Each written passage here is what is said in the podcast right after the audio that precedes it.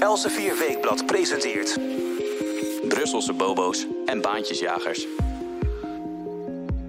Na maandenlang getouwtrek kondigde de Europese Commissie deze zomer vol trots het corona-herstelfonds ter waarde van 750 miljard euro aan. Maar vooralsnog komt er weinig van terecht. De lidstaten ruzien met elkaar over de voorwaarden. Hoe zit dat precies? We gaan het bespreken met Jelte Wiersma, onze correspondent in Brussel. Hij praat u bij over de EU-top, die vorige week nog werd afgelast, maar donderdag 1 en vrijdag 2 oktober alsnog doorging. En verder hebben we het over de nieuwe regering in België, met maar liefst zeven partijen en een fusie van twee Poolse bedrijven, die slecht nieuws betekent voor Nederland.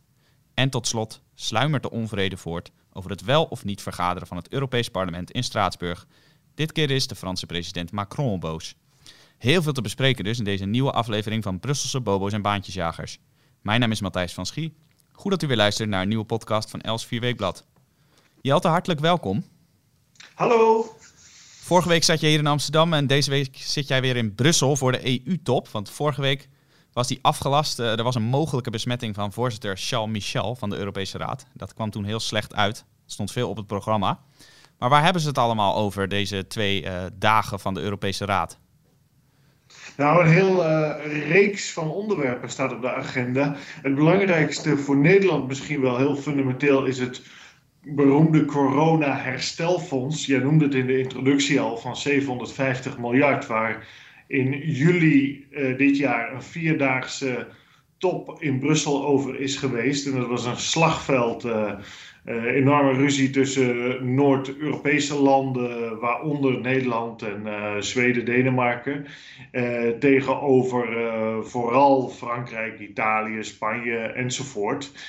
verder um, is daar toch wel een, een hele belangrijke ontwikkeling gaande over dat corona-herstelfonds. Je moet je voorstellen, tijdens die zomertop van regeringsleiders is afgesproken om met zo'n herstelfonds te komen. Dat uh, gaat dan uh, uh, 390 miljard euro aan giften betekenen aan landen die economisch erg getroffen zijn door de lockdowns als gevolg van corona. En de rest van het geld zou, zouden leningen moeten zijn tegen aantrekkelijke voorwaarden. En premier Mark Rutte heeft onder meer onder hoge druk van de Tweede Kamer uh, gezegd van nou, uh, oké, we gaan er uiteindelijk mee akkoord. Uh, wel met tegenzin.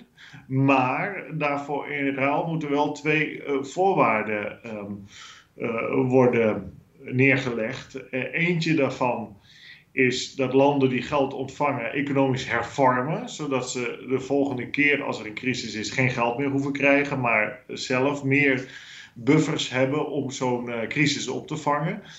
En twee um, is dat als geld wordt uitbetaald, en dat geldt eigenlijk ook voor het meerjarig financieel kader, de EU-begroting, waar uh, in juli ook de regeringsleider een deal, deal over hebben gemaakt, dat um, uh, die beide geldpotten, dat corona-herstelfonds en die EU-begroting, dat daar voorwaarden aan worden verbonden.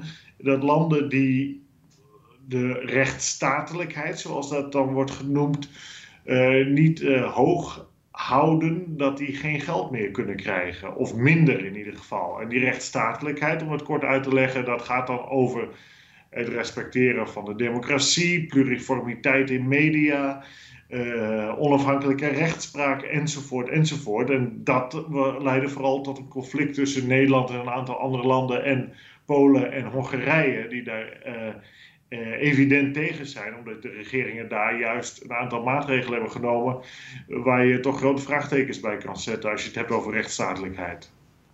Ja, je zei het net al, die discussie speelde in uh, juli ook al op die vierdaagse top. En uh, we weten nog inderdaad dat de Hongaarse premier Orbán flink uithaalde naar Rutte dat hij deze eis op tafel had gelegd. Maar uiteindelijk kwamen ze toch tot een akkoord. Wat is nu dan de reden dat er hier dan toch weer gesteggel over is? Nou, je moet je voorstellen, de regeringsleiders zijn deze zomer wel tot een akkoord gekomen. En dan wordt een tekst opgesteld. Zo'n Europese top gaat eigenlijk alleen maar over teksten. Het is de hele tijd uh, commas en woordjes veranderen. Uh, en dat is toen op zo'n manier op papier gekomen dat eigenlijk iedereen erin kan lezen wat hij erin wil lezen. Althans, zo wordt het door de regeringsleiders na thuiskomt van zo'n top gepresenteerd. Zo van, ik ben de winnaar. En dus kijkt u maar naar de tekst, daar staat dit en dit en dit. En nou, dat hangt er heel erg van de interpretatie af. Wat gebeurt er na zo'n top? Dan krijgt de Europese Commissie de instructie om eh, dat voorstel in de praktijk te gaan uitwerken.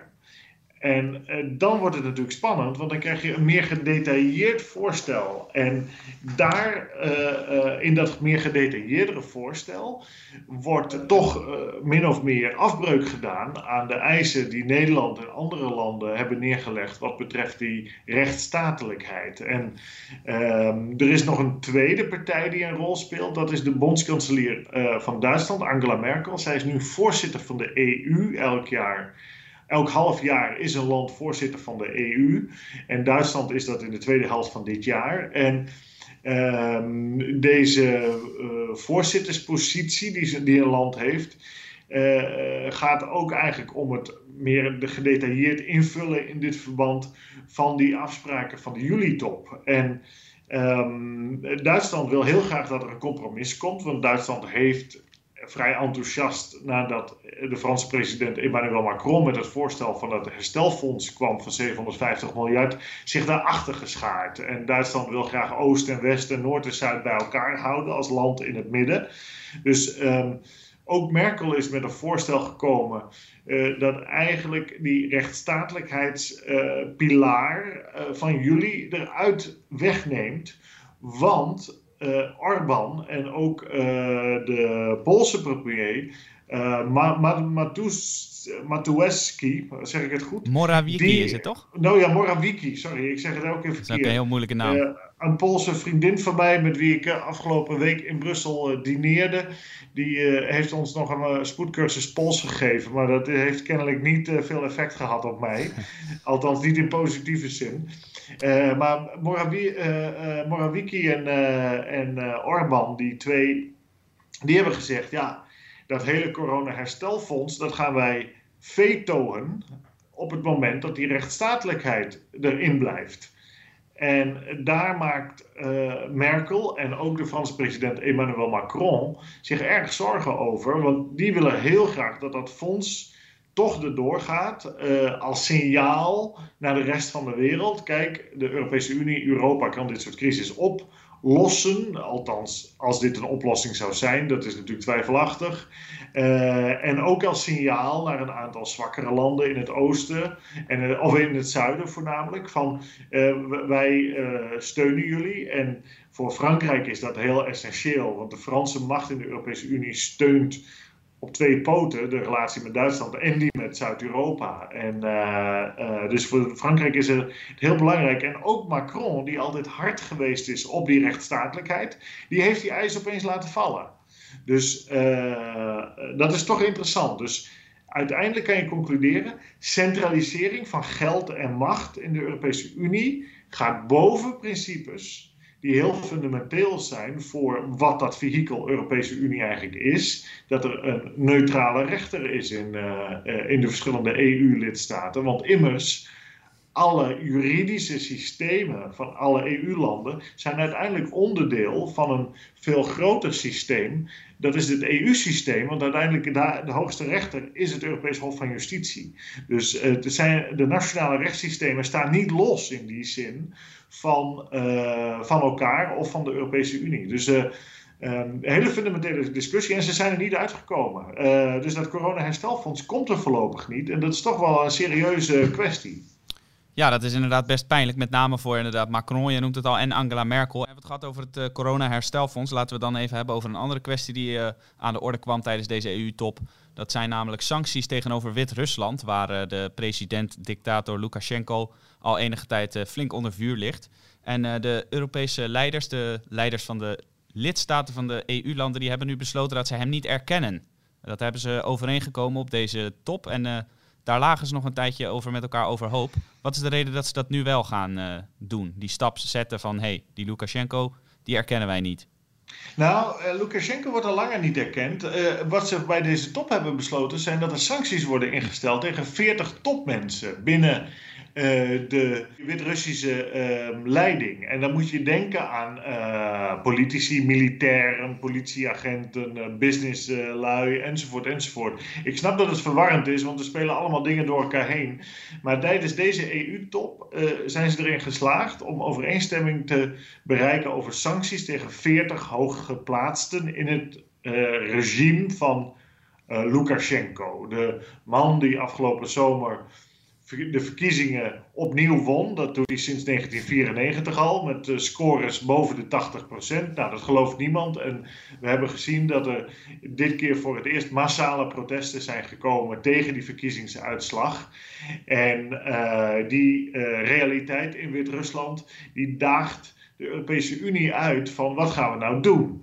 Nu wilde de EU heel graag sancties instellen. Cyprus hield dat tegen. Cyprus als enige lidstaat zei: ja, uh, als jullie sancties, of als wij sancties tegen uh, Lukashenko en zijn gang gaan instellen, dan moeten we dat ook doen tegen uh, Recep Tayyip Erdogan, de beroemde ehm, en door velen gevreesde president van Turkije. Want die doet allerlei zaken die absoluut niet door de beugel kunnen. die rommelt ook beetje half met de rechtspraak, met verkiezingen, met vrije media. Maar belangrijker, hij uh, stuurt telkens schepen naar Grieks-Cypriotische territoriale wateren en Griekse territoriale wateren om daar naar olie en gas te zoeken en te boren. Uh, en hij claimt dat, dat, dat die wateren van hem zijn, terwijl die dat evident niet zijn. En Cyprus zei, ja, uh, wij hebben een groot belang als klein land dat Turkije terug in het hok wordt gejaagd. En wij gaan eh, sancties tegen deze Wit-Russen rond Lukashenko niet accepteren als wij niet ook sterker gaan opereren tegenover Turkije. En dat is wel dat is nu afgesproken. Dat uh, Turkije krijgt een laatste waarschuwing uh, van de EU-regeringsleiders. Als Turkije zijn gedrag niet verbetert, Erdogan dan in persoon, dan zal op de decembertop van de Europese regeringsleiders, de EU-regeringsleiders, worden besloten alsnog met sancties en strafmaatregelen tegen Turkije te komen. En dat maakte de weg vrij voor Cyprus om in te stemmen met sancties tegen 40 mensen rond Lukashenko, maar niet Lukashenko zelf. Dat zie je wel vaker, dat de topspelen, dat daar geen sancties tegen worden ingesteld. En die sancties, dan moet je denken, het bevriezen van buitenlandse tegoeden, het niet meer kunnen reizen naar andere landen enzovoort, enzovoort. Um, die, um, uh, maar hier, hier laat uh, de Europese Unie eigenlijk in een dubbelslag toch wel zijn tanden zien, zou je kunnen zeggen. Uh, ja, denk want, jij dat, dat de Turken echt onder indruk zijn van dit toch verkapte dreigement? Dat moet je niet onderschatten. Kijk, Turkije is een land dat volledig eenzaam op de wereld is. En er is nog zo'n land en dat heet Rusland. Dat zijn landen die ergens halverwege twee culturen opereren. Hè? Turkije is dan islamitisch, maar niet Arabisch. Dus hoort niet bij die miljard Arabieren die we, die, die we kennen in de wereld. Uh, of bijna een miljard zijn het, geloof ik. Uh, uh, en dan heb je natuurlijk, in Rusland heeft dezelfde positie, het is christelijk, maar hoort toch niet bij de westen, westelijke christelijke cultuur, protestantisme, katholicisme maar is orthodox, uh, oosters. Hè? En die, uh, dat maakt dat dat hele eenzame landen zijn. En Turkije weet dat uiteindelijk, als het economisch uh, wat stevigheid onder de benen wil krijgen, dat het toch afhankelijk van Europa is. En je moet niet vergeten, Erdogan heeft ruzie gekregen met bijna iedereen in het Midden-Oosten. Dat wordt wel eens wat onderschat. Erdogan is uh, een man die eigenlijk het Ottomaanse imperium wilde herbouwen. Die heeft zich, uh, en dat doet hij nog steeds, flink bemoeid met voormalige koloniën van het Ottomaanse uh, Rijk in bijvoorbeeld Libië, Libanon, Syrië en allerlei andere plekken. Dat viel allemaal onder het Ottomaanse Rijk. En die slagen heeft hij allemaal verloren. Hij heeft, hij heeft van Rusland verloren in Syrië. Want hij wilde van Assad af, de dictator in Syrië. Hij heeft eigenlijk uh, is hij aan de verliezende hand in Libië, waar hij een strijd heeft met de Verenigde Arabische Emiraten, die een ander kamp in Libië eh, steunen. Uh, ondertussen ehm, zijn de spanningen met Israël wat opgelopen, wat toch een, een steunpilaar altijd van Turkije ook is geweest en wederzijds. En Israël is, heeft juist allerlei akkoorden gesloten met Arabische landen de laatste tijd, onder druk van Donald Trump mede. Uh, en druk van Iran, een andere uh, vijand al daar. Dus het is heel interessant. Turkije is heel erg geïsoleerd aan het raken. En Erdogan heeft geprobeerd vriendjes te worden met Poetin. Nou, maar Poetin en Erdogan staan niet op gelijke voet natuurlijk. De president van Turkije is veel minder machtig dan de president van Rusland. Dus Poetin zal nooit een deel uit de positie van superioriteit tegenover een horige en hij is dan Poetin. En uh, dat is de realiteit waar Turkije zich in bevindt. Het is een eenzame positie voor Turkije.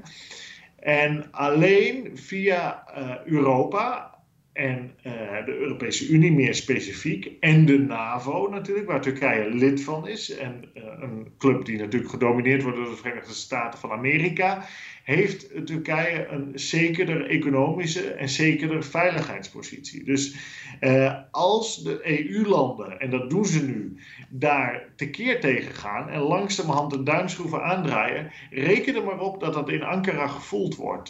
Dat is een heel pijnlijk proces. Want je, eh, je kan nagaan wat er mogelijk is aan sancties. Als je bijvoorbeeld Turkse bankrekeningen zou blokkeren, dan gaan alle transfers van Turken die in Europa leven uh, die worden stilgelegd.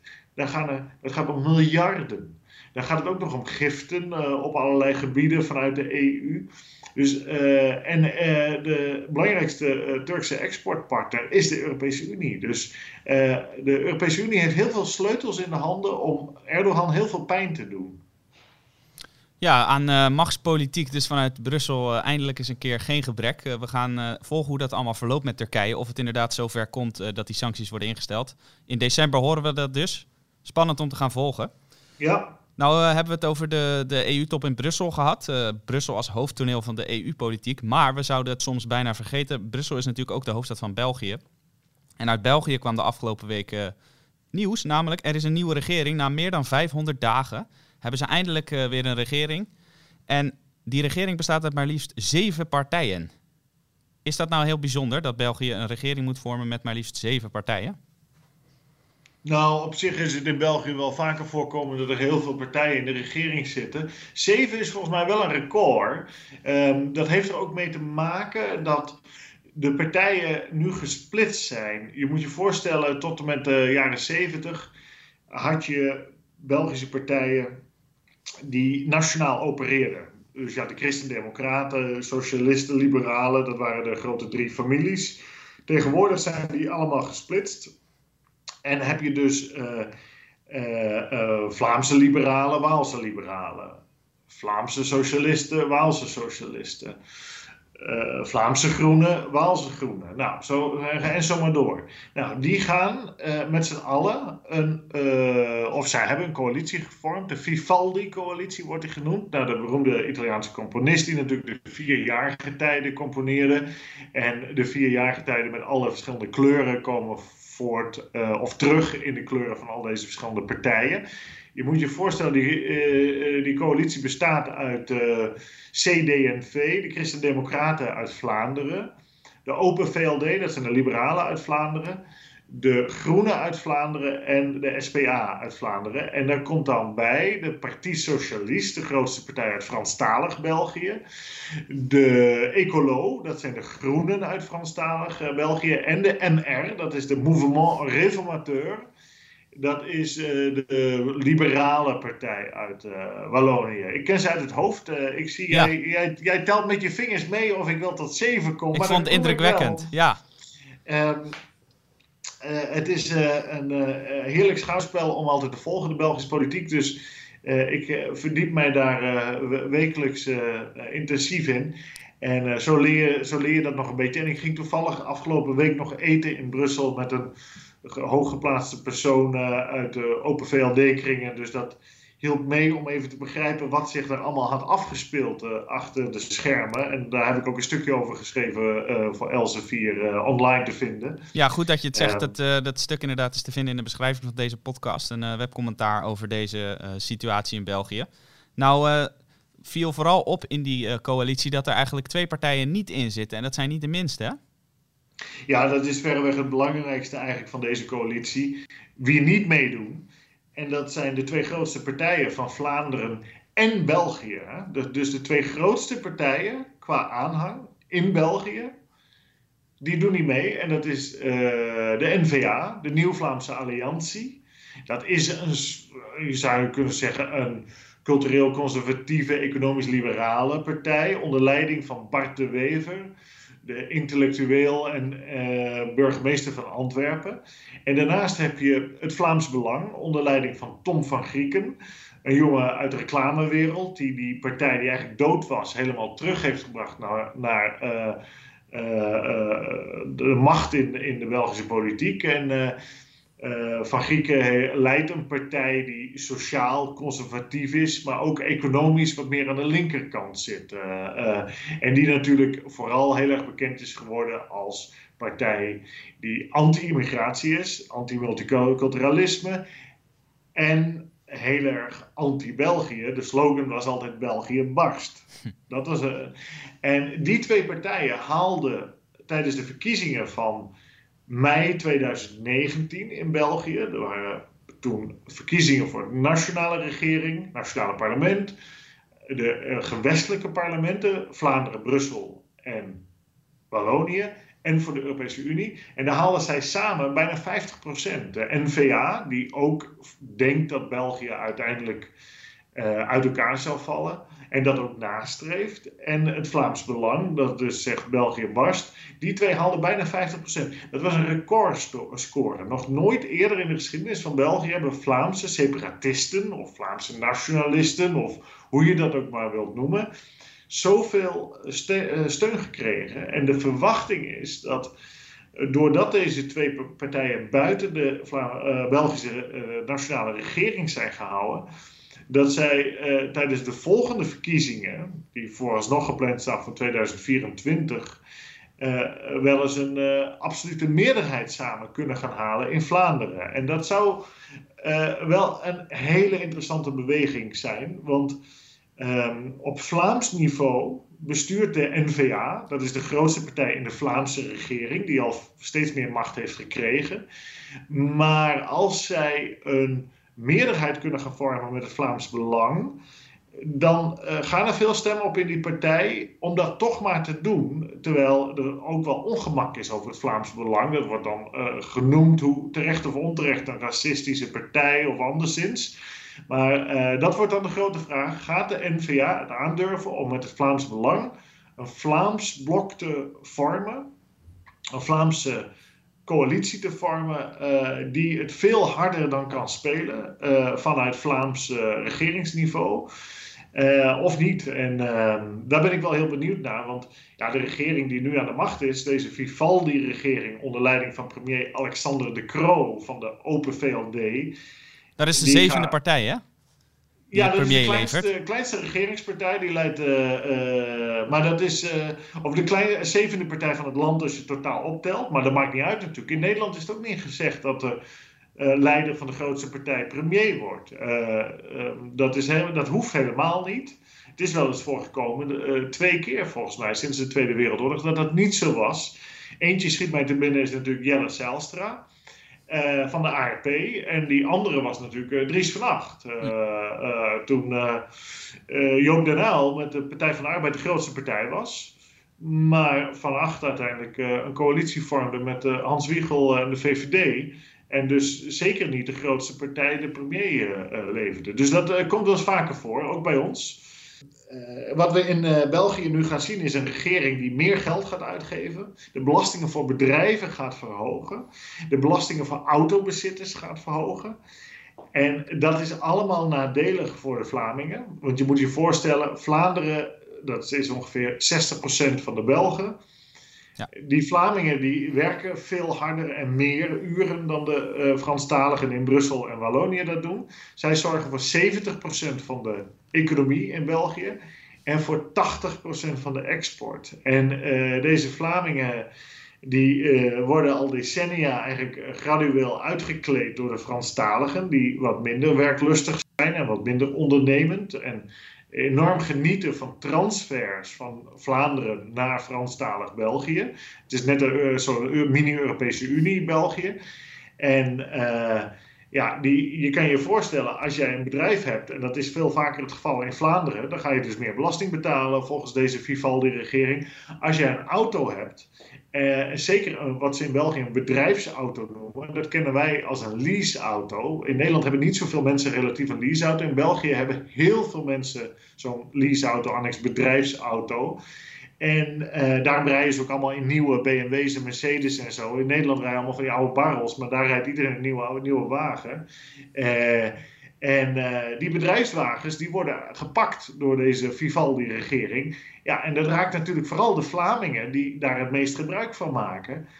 Um, Jij zegt die Vlamingen die worden geraakt, dat heeft, kan ook wel eens heel slechte gevolgen hebben voor Nederland, hè? Ja, dat, dat, ik hou altijd dat perspectief natuurlijk in, in, in ogenschouw. Dat, wat betekent dit voor ons? En op korte termijn denk ik dat dit onaantrekkelijk is. Kijk, België is een land met uh, als je het hebt over loonbelastingen, de hoogste belastingen zo'n beetje van Europa, samen met Frankrijk, Denemarken en Zweden. En de Belgen krijgen daar zo'n beetje het minste voor terug. Uh, en dat is, economisch is dat heel onverstandig. Uh, economisch is het veel verstandiger om uh, de loonbelasting veel, la veel laag, te houden, zodat mensen heel graag willen gaan werken. omdat ze dan heel snel een enorme inkomensgroei uh, krijgen. En nu is het zo dat de uitkeringen in België heel ruimhartig zijn. Dus er zijn heel veel mensen die willen helemaal niet werken, want dat levert hen geen economisch voordeel op. En dat is voor Nederland helemaal niet goed. Het is voor Nederland natuurlijk goed als er een welvarend België is, waar veel mensen werken, waar de arbeidsparticipatie hoog is, waar veel consumptiekracht daardoor ook ontstaat. Uh, want Nederland is een uh, netto-exporteur naar België, dus wij verkopen meer aan de Belgen dan de Belgen aan ons. Dus wij kunnen daar geweldig aan verdienen natuurlijk. Je ziet ze ook rijden. Ik zie ze vanuit Zeeland, waar we natuurlijk half wonen, met mosselen naar België rijden en andere lekkernijen waar de Belgen dol op zijn. Dat is een geweldige business. Uh, dus dat is voor Nederland uh, uh, op korte termijn helemaal niet goed. Misschien op lange termijn kan het wel goed zijn voor Nederland, deze Vivaldi-regering. Want als België federaliseert, en, daarmee, uh, en dat, daarmee bedoel ik, dat moet je begrijpen in de betekenis van steeds meer macht naar de gewesten, Vlaanderen, Brussel, Wallonië en uh, een route naar steeds meer Vlaamse vrijheid en misschien ooit wel Vlaamse onafhankelijkheid, dan zou dat voor Nederland goed zijn. Want België is een land dat uiteindelijk in heel veel opzichten door de Franstaligen wordt gedomineerd nog altijd. En in die optiek uh, een vasal is van de Fransen. Dat zijn ze eigenlijk altijd geweest, België. Dat is ook de reden dat het land bestaat. Uh, de beroemde graaf Talleyrand, die heeft uh, uh, de Franse diplomaat en minister van Buitenlandse Zaken, heeft België uitgevonden aan de, aan de dinertafels in Londen toen hij daar ambassadeur was. En de Britten ertoe verleid om uiteindelijk in te stemmen met een onafhankelijk België, dat zich afsplitsen van de noordelijke Nederlanden. En dat, heeft, dat is altijd nadelig geweest voor Nederland, want daardoor verzwakte de internationale positie van Nederland. En als je ooit een Belgische republiek zou krijgen, dan heb je op EU-niveau meteen al een partner erbij, die ook zuiniger wil zijn met geld, die meer pro-business is en meer sceptisch over staatsmacht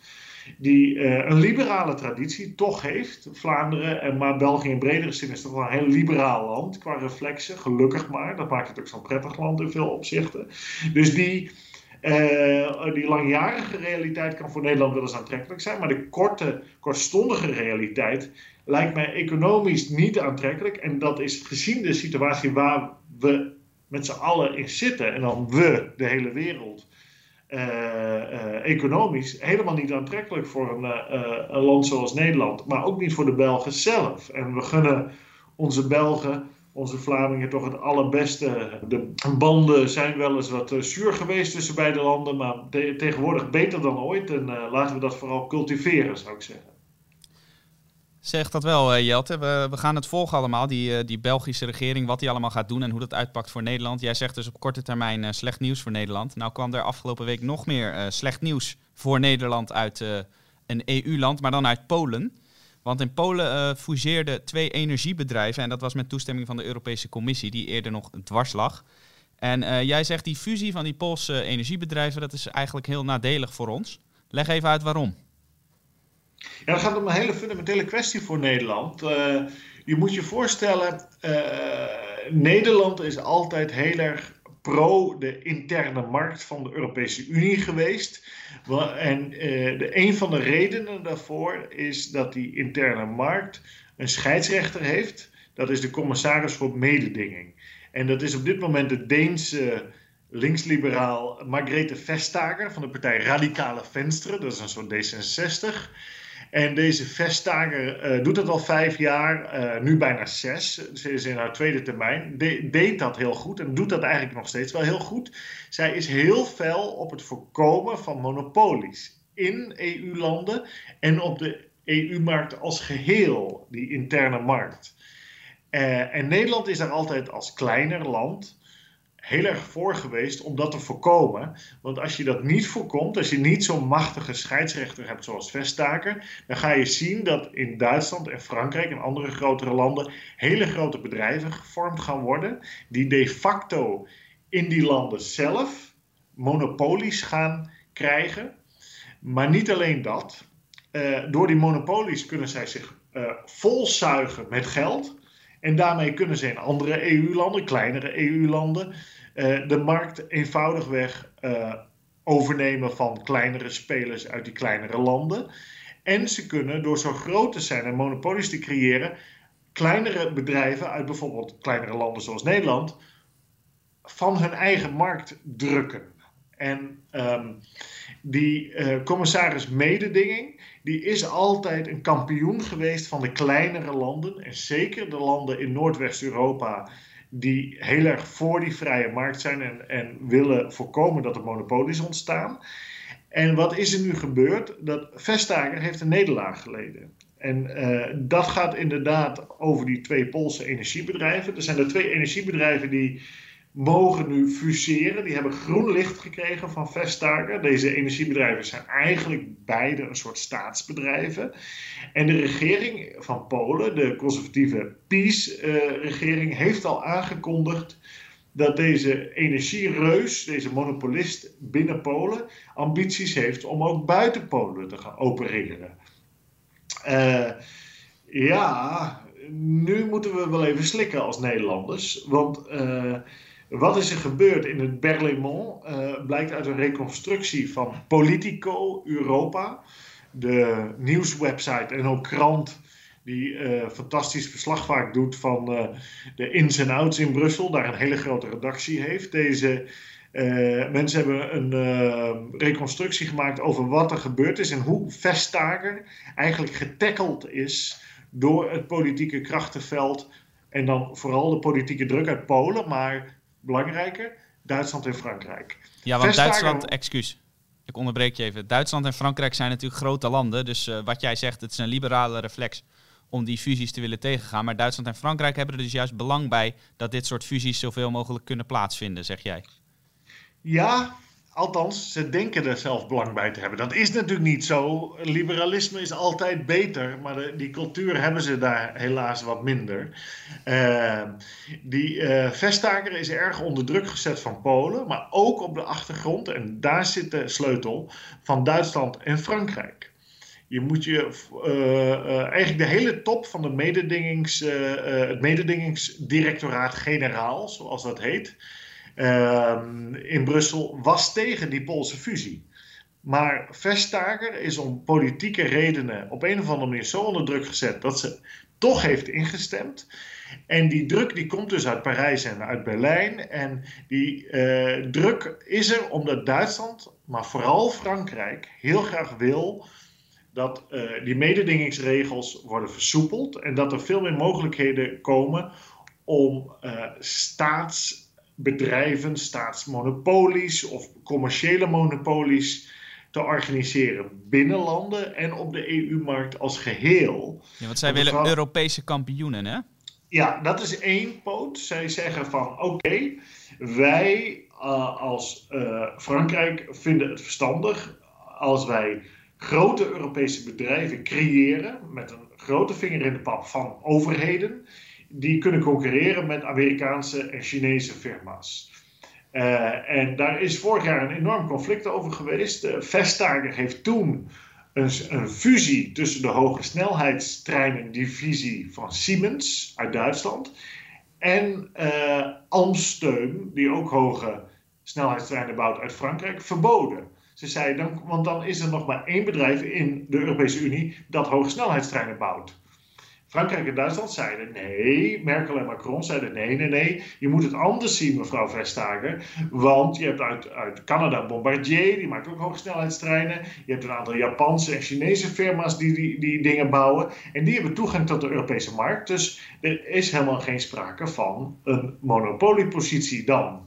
Uh, nou, dat is natuurlijk hoe je er naar wil kijken. De Fransen en vooral de, of vooral de Fransen en in mindere mate de Duitsers, die vinden dit wel een goed idee. Dit soort monopolisten creëren die uh, kunnen concurreren met uh, de Amerika's en de China's. Um, ja, ik uh, ben daar heel sceptisch over. En Nederland als geheel is daar heel sceptisch over. Want de, de ervaring leert dat je als je staatsbedrijven creëert, want dat, daar ga je toch naartoe. Uh, de Franse politici willen altijd een grote vinger in de pap bij dit soort grote bedrijven. Uh, dat uiteindelijk uh, je eh, zorgt voor economisch mindere groei.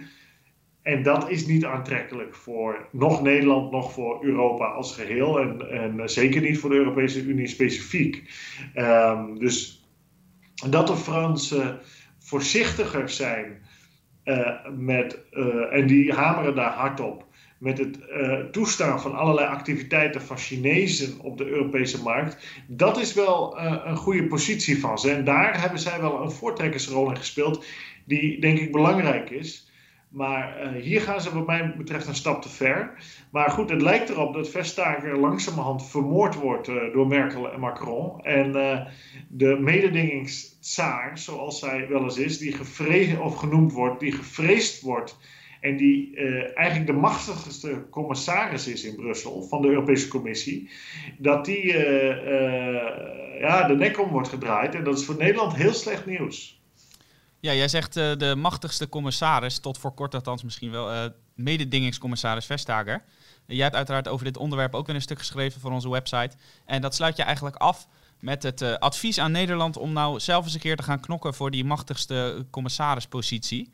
Want wij hebben dan, vinden we zelf, een van de machtigste mensen in Brussel zitten, Frans Timmermans. Maar die is met heel andere zaken bezig dan met mededingingen. Ja, dat klopt. Kijk, Frans Timmermans is eerste uitvoerend vicevoorzitter van de Europese Commissie. Het past nauwelijks op het visitekaartje. En hij is vooral bezig met de Green Deal. Dus Europa moet, uh, en dan bedoel ik meer specifiek de Europese Unie, uit de crisis worden gehaald waar we nu in zitten. Uh, door te digitaliseren, maar vooral door te vergroenen. Nou, de, de, de, de hele naam groen is natuurlijk al onzin. Want uh, de aarde wordt alleen maar groener door meer CO2-uitstoot. Maar goed, uh, uh, dus die naam is wel bizar. maar hij is daar de hele tijd mee bezig. Nou, dat is één grote mislukking tot nog toe. Er komt ook waarschijnlijk helemaal niks van, want elk land doet toch zijn eigen energiebeleid. Kijk naar Polen. Dus um, dat is allemaal gerommel in de marge, eerlijk gezegd. Uh, de, uh, heel fundamenteel is die vrije markt voor de Nederlandse bedrijven. En Nederland heeft ook die positie uh, gehad, bijvoorbeeld met Nelly Kroes. Nelly Kroes was misschien niet de meest indrukwekkende figuur en een opportunist van hier te Tokio. Maar um, in ieder geval, als je die scheidsrechterspositie hebt, dan kan je hem ook volhouden. Tenminste, als je iemand met enige karakter daar hebt zitten. Uh, um, En op dit moment ja, knokt Nederland voor de verkeerde, of heeft geknokt voor de verkeerde positie. En dan, dat is een verwijt aan premier Mark Rutte natuurlijk, die erg zijn best heeft gedaan voor Timmermans om die een op papier zo hoog mogelijke positie te geven.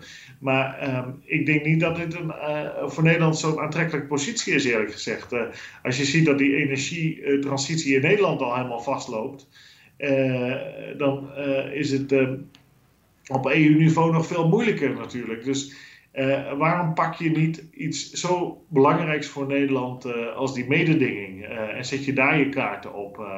Maar goed, Vestager is iemand van, wat ik al zei, zo'n D66 huizen. En die zijn wel altijd erg voor die vrije markt en competitie en monopolies voorkomen. Dus Vestager deed dat eigenlijk heel goed. Maar ja, nu is het toch gebroken op dit dossier. En we hopen dat dat niet een structurele kwestie gaat worden. Want ja, anders ziet het er slecht uit voor Nederland. Ja, ook weer een uh, zorgwekkende ontwikkeling voor Nederland. Maar inderdaad, wie weet uh, houdt Vestager in andere zaken wel haar rug recht. En blijft de vrije markt inderdaad voor kleine liberale landen als Nederland hoog. Jelte, we gaan het tot slot nog heel even hebben over een conflict waar we het vorige week al kort over hadden. Namelijk het Europees Parlement in Straatsburg, waar eigenlijk nauwelijks of niet meer wordt vergaderd sinds corona is uitgebroken. En in de EU zijn velen daar wel blij mee. Die willen dat de reizende circus, zoals het vaak wordt genoemd, stoppen. Maar vooral Frankrijk, waar natuurlijk Straatsburg ligt, uh, legt zich daar niet bij neer. En hoe, uh, hoe staat die ruzie of dat conflict er nu voor? Nou, nu moet ik jou een beetje plagen, want zo natuurlijk is het niet dat Straatsburg in Frankrijk ligt. Uh, dat is waar. Het is natuurlijk meer een Duitse stad historisch dan Frans. Maar goed, laten we de geschiedenis maar even voor wat het is. Je hebt gelijk. Ja, Emmanuel Macron was in de Baltische Staten en Macron was woest. die zei de Europese Unie gaat kapot als, we niet zo, als het Europees Parlement niet meer gauw in Straatsburg gaat vergaderen. Nou, ehm, dat leek wat overdreven, maar ik ben het wel met hem eens. Hij zei er namelijk nog bij, hij zei Europa, en dan bedoelde hij de Europese Unie, de essentie daarvan is dat je naar elkaar toe gaat, dat je elkaars culturen leert kennen uh, en dat niet alles gecentraliseerd wordt in Brussel. Dat zei hij. Interessant, hè? Niet alles gecentraliseerd worden in Brussel. Nu moet je je voorstellen, als er één land gecentraliseerd is in Europa, is dat Frankrijk wel. En als er één land elke keer aanstuurt op centralisering van macht in Brussel, is het Frankrijk wel. Dus dat de Franse president dit zegt, is wel aardig. Nu kan je zeggen dat is opportunistisch, want hij wil gewoon dat het Europees Parlement weer naar Straatsburg gaat. Dat daar geld wordt uitgegeven en uh, dat is goed voor de economie uh, daar allemaal. Uh, maar ik denk dat hij toch een principiële punt maakt. want hij is binnen Frankrijk ook bezig gegaan, althans dat wil hij, met een federalisering. Hij wil eigenlijk, althans dat zegt hij, macht vanuit Parijs verspreiden over het land aan regio's, aan steden, gemeenten enzovoort enzovoort. En mede uh, door de gele hesjes is dat gebeurd, maar ook door de ervaring in Duitsland met corona, waar Frankrijk er een totale zooi van heeft gemaakt. Met een gecentraliseerd gezondheidssysteem, waarvan iedereen altijd in de wereld dacht dat dat heel goed was. Bleek dat het uh, geregionaliseerde gezondheidssysteem, een, een federaal model zoals Duitsland dat kent, waar 16 bondslanden heel veel macht hebben ten opzichte van de regering in Berlijn, dat dat eigenlijk veel beter werkt. Um, nou, dat is een argument dat natuurlijk perfect in het straatje past van uh, mij persoonlijk en in, bredere zin ons bij Elsevier, waar we ook altijd gezegd hebben: wees nou voorzichtig met centralisering van macht. Want uh, macht heeft altijd de neiging verder te centraliseren. Het is een soort uh, tornado, hè, waar de binnenkant alles opzuigt. zo gaat dat. Als je niet vastlegt dat er ook macht op lagere niveaus blijft liggen. En in Duitsland is dat in de grondwet heel goed vastgelegd. En bij de Europese Unie is dat allemaal veel onduidelijker. En dan krijg je zo'n Europese top. En dan wordt opeens besloten door 27 regeringsleiders: wij gaan macht centraliseren. En daar is dan helemaal geen rem op. En dat Macron nu dit fundamentele argument maakt van uh, Straatsburg moet open blijven en het Europees Parlement mag niet permanent in Brussel uh, en alleen maar in Brussel gevestigd zijn uh, is eigenlijk een heel goed argument, wat mij betreft, uh, aanvullend op wat hij binnen Frankrijk doet. dat je machtscentralisatie moet voorkomen. Het is natuurlijk heel erg ironisch dat dit uit de mond van Macron komt. Ehm, maar, maar dat hij dit naar voren brengt, daar sympathiseer ik wel mee. Want er zijn heel veel mensen in Brussel, in het parlement zelf, onder wie de secretaris-generaal, een Duitse Klaus Welle, die heel graag af willen van Straatsburg als vergaderplaats. En mij persoonlijk zou dat heel erg anti de natuur van de Europese Unie en de e- Europa als geheel zijn. Want Europa is juist een chaotisch geheel van verschillende culturen en uh, dat moet je niet gaan centraliseren. Uh, en ten tweede, Straatsburg is een fantastische stad. Uh, Brussel is geweldig in heel veel opzichten, maar Straatsburg is heel mooi, heel schoon. De omgeving, de Elsass, is natuurlijk een geweldig gebied met uh, Duitsland en Frankrijk en ook Zwitserland om de hoek. Uh, heerlijke wijnen. Uh, het eten is wel ietsje minder, uh, want ze eten daar allemaal sauerkraut. Dat is voor Europarlementariërs natuurlijk ook belangrijk, hè, het eten. Choucroute noemen ze dat in het Frans. Choucroute noemen ze dat. Nou, ik, ik, na drie keer choucroute had ik er wel genoeg van. Toen zei ik, geef maar maar sauerkraut. En toen bleek dat hetzelfde te zijn. nou ja, toen...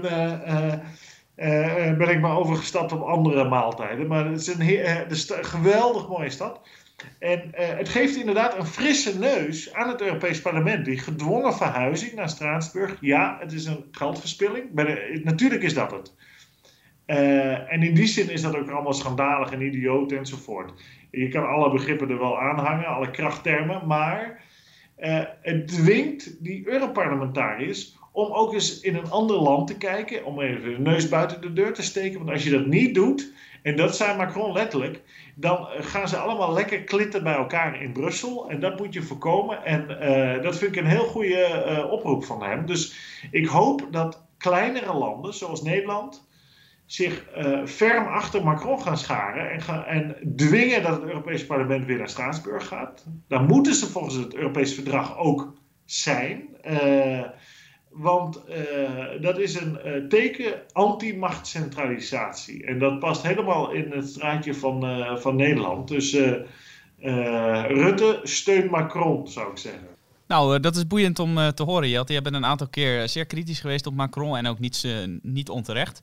Maar uh, ik hoor jou toch ook steeds meer positieve dingen over hem zeggen. Hij wil de macht decentraliseren in uh, Frankrijk en dus ook in Brussel. Nou, dat is uh, inderdaad wat jij zegt. dat past goed in ons straatje. En hij toont spierballen naar Turkije. Het wordt nog eens wat met die Macron, als ik het zo hoor. Ja, maar ik beoordeel allemaal mensen niet op of ik ze aardig vind of weet ik wat, of, of, maar wel op hun politieke daden en ambities die zij neerleggen. En ja, verder maakt het mij niet zoveel uit wie dat dan is. Maar uh, Heel goede kijk, wij, wij, doen de, wij doen de feiten, eerst de inhoud. En of je iemand leuk vindt of niet, dat is voor mij allemaal uh, irrelevant. Uh, fan, fanjournalistiek, waar veel media aan doen, die zijn fan van een bepaald politicus. daar doen wij niet aan bij Elsevier. Nou, dat is vind ik een hele mooie en juiste boodschap ook om deze podcast mee af te sluiten. Hartelijk dank uh, Jelte voor jouw bijdrage. We hebben het over een heleboel uh, behoorlijk uh, stevige onderwerpen gehad. Machtspolitiek, mededinging en nu dus ook het, het Europees Parlement en de decentralisering. Een mooi moment om ermee op te houden Jelte. Hartelijk dank voor jouw bijdrage en u de luisteraar ook hartelijk bedankt voor het luisteren. En in deze coronatijd blijf ik het gewoon zeggen, ook tegen jou Jelte. Blijf gezond, het beste alle goeds in deze tijden en graag tot de volgende keer. Daarmee zijn we aan het einde gekomen van deze podcast. Mijn naam is Matthijs van Schie en ik wil u ook hartelijk danken voor het luisteren. Bent u nou benieuwd geworden naar de artikelen die we zojuist hebben besproken in deze podcast? Die kunt u allemaal lezen in Els 4 Weekblad of op onze site. Voor een abonnement, waarbij u ook onbeperkte digitale toegang krijgt, kunt u surfen naar www.els4weekblad.nl. Daar kunt u zich ook abonneren op onze podcastseries. Dat kan ook door in uw favoriete podcast-app, bijvoorbeeld Spotify of iTunes, te zoeken op Els 4 Weekblad. Dit was het voor nu. Graag tot de volgende keer.